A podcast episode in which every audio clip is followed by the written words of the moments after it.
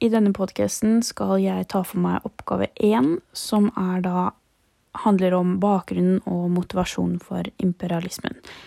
Eh, tiden i historien som inspirerte og førte til nyimperialismen, er eksempel den politiske ideologien nasjonalismen og industri, industrialiseringen av verden. 1800-tallet eh, handlet mye om staten og nasjonen. Eh, folket måtte på en måte smelte sammen i én nasjonalstat. Og det finnes to typer for nasjonalisme. Den første er demosnasjonalisme, som hevder at staten bygger på en måte på et fellesskap av mennesker som er født like og med grunnleggende rettigheter.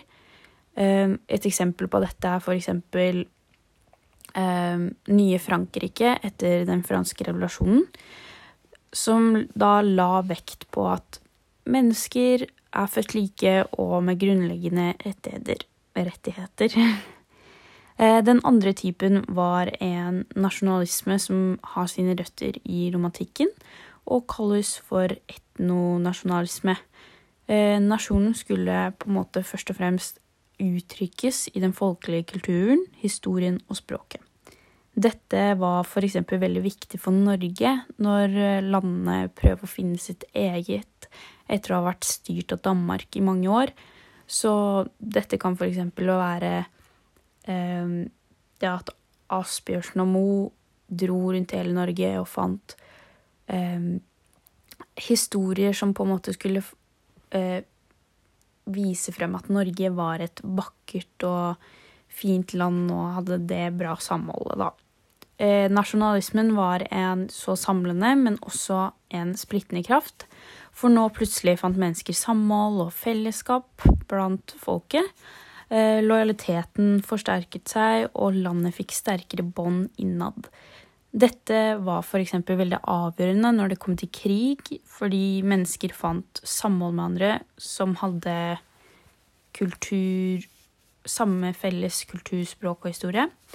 Eh, de mente på en måte at de var bedre enn de andre landa av dette, og det førte til da denne splittende kraften mellom et land og et annet. Eh, nasjonalismen var et eksempel på hvorfor Tyskland og Italia ble forsamlet til egne stater, og særlig det at Tyskland ble formet eh, til en egen stat, utfordret Europakonserten. Og Europakonserten var på en måte et sammenklang mellom stormaktene i Europa for å hindre at sterke land som f.eks. Frankrike skulle ta over hele verden.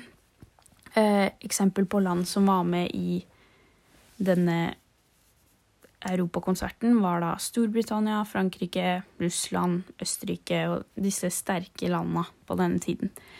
Fordi i krigen mot Frankrike hadde Tyskland vist seg frem, og at de var i stand til å vinne uten da at noen kunne gjøre noe med det. Så innenfor Europakonserten ble det laget da Wien-kongressen, eh, som var da avtale mellom stormaktene etter Napoleons fall.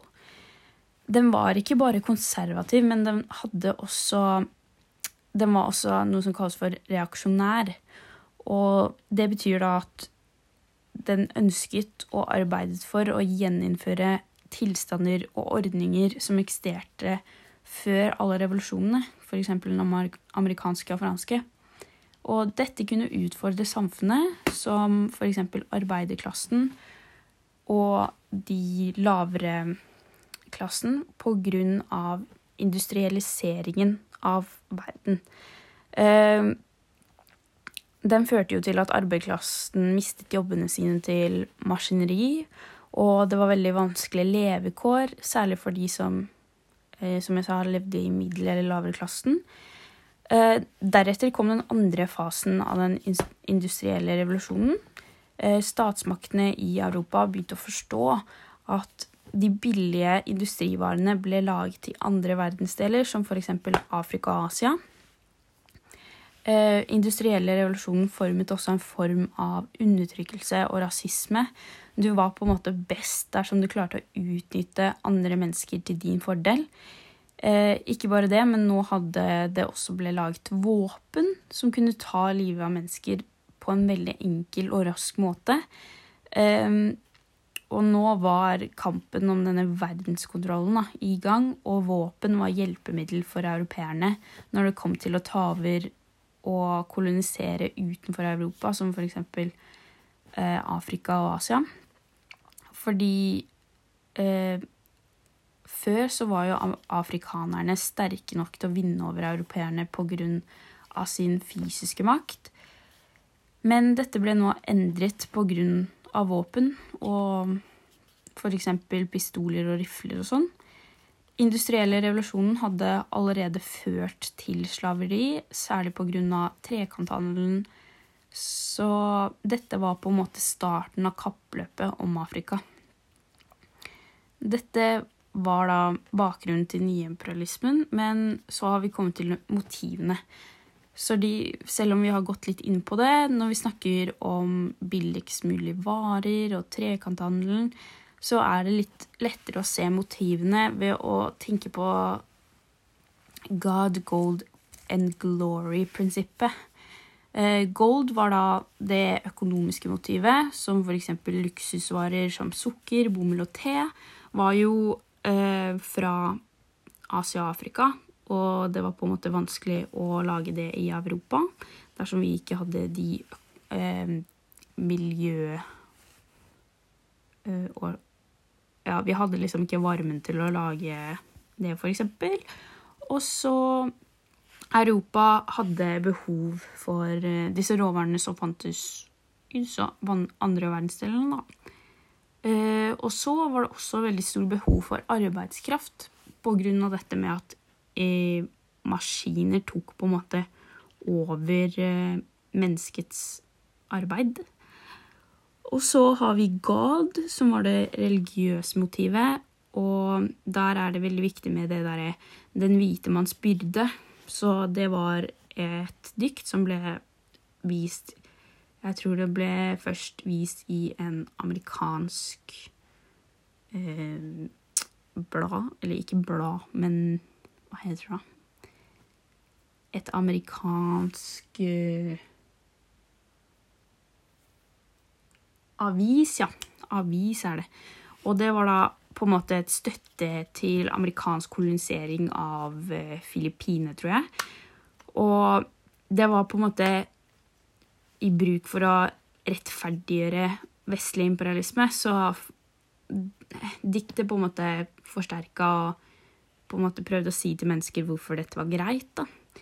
Fordi diktet hevder at hvit rase, som er eh, Skulle liksom være mer sivilisert og høyerestående enn andre raser, da. Så de hadde en moralsk plikt til å herske over eller oppdra de andre rasene. Som er litt sykt å tenke på i dag. og så var det jo også dette store eh, hendelsen med å spre kristendommen. Fordi kristendommen var på en måte en eh, måte å holde mennesker oppe, da. Og vise til at dere er støttet, og når vi tror på de samme tingene, så må jo vi være venner, på en måte. Og så har vi dette Glory, som vi har kommet litt inn på. Det er da det politiske, som er Europakonserten. At de store eh, stormaktene skulle på en måte ha en eh, måte å være sivilisert på. At de på en måte var venner og ikke gjorde noe for å ødelegge verden. Men så starta dette maktkappløpet, da, at eh, alle skulle plutselig ta over verden og ha mest penger og sånne type ting. Og en veldig stor del av dette var da Frankrike versus Storbritannia, som er ganske vanlig. At de går imot hverandre og skal liksom bli bedre enn den andre. Og ja, det var på en måte bakgrunnen og motivene og motivasjonen for nyimperialismen. Så ja, takk for at du hørte på, Idun. Vi snakkes. Ha det bra.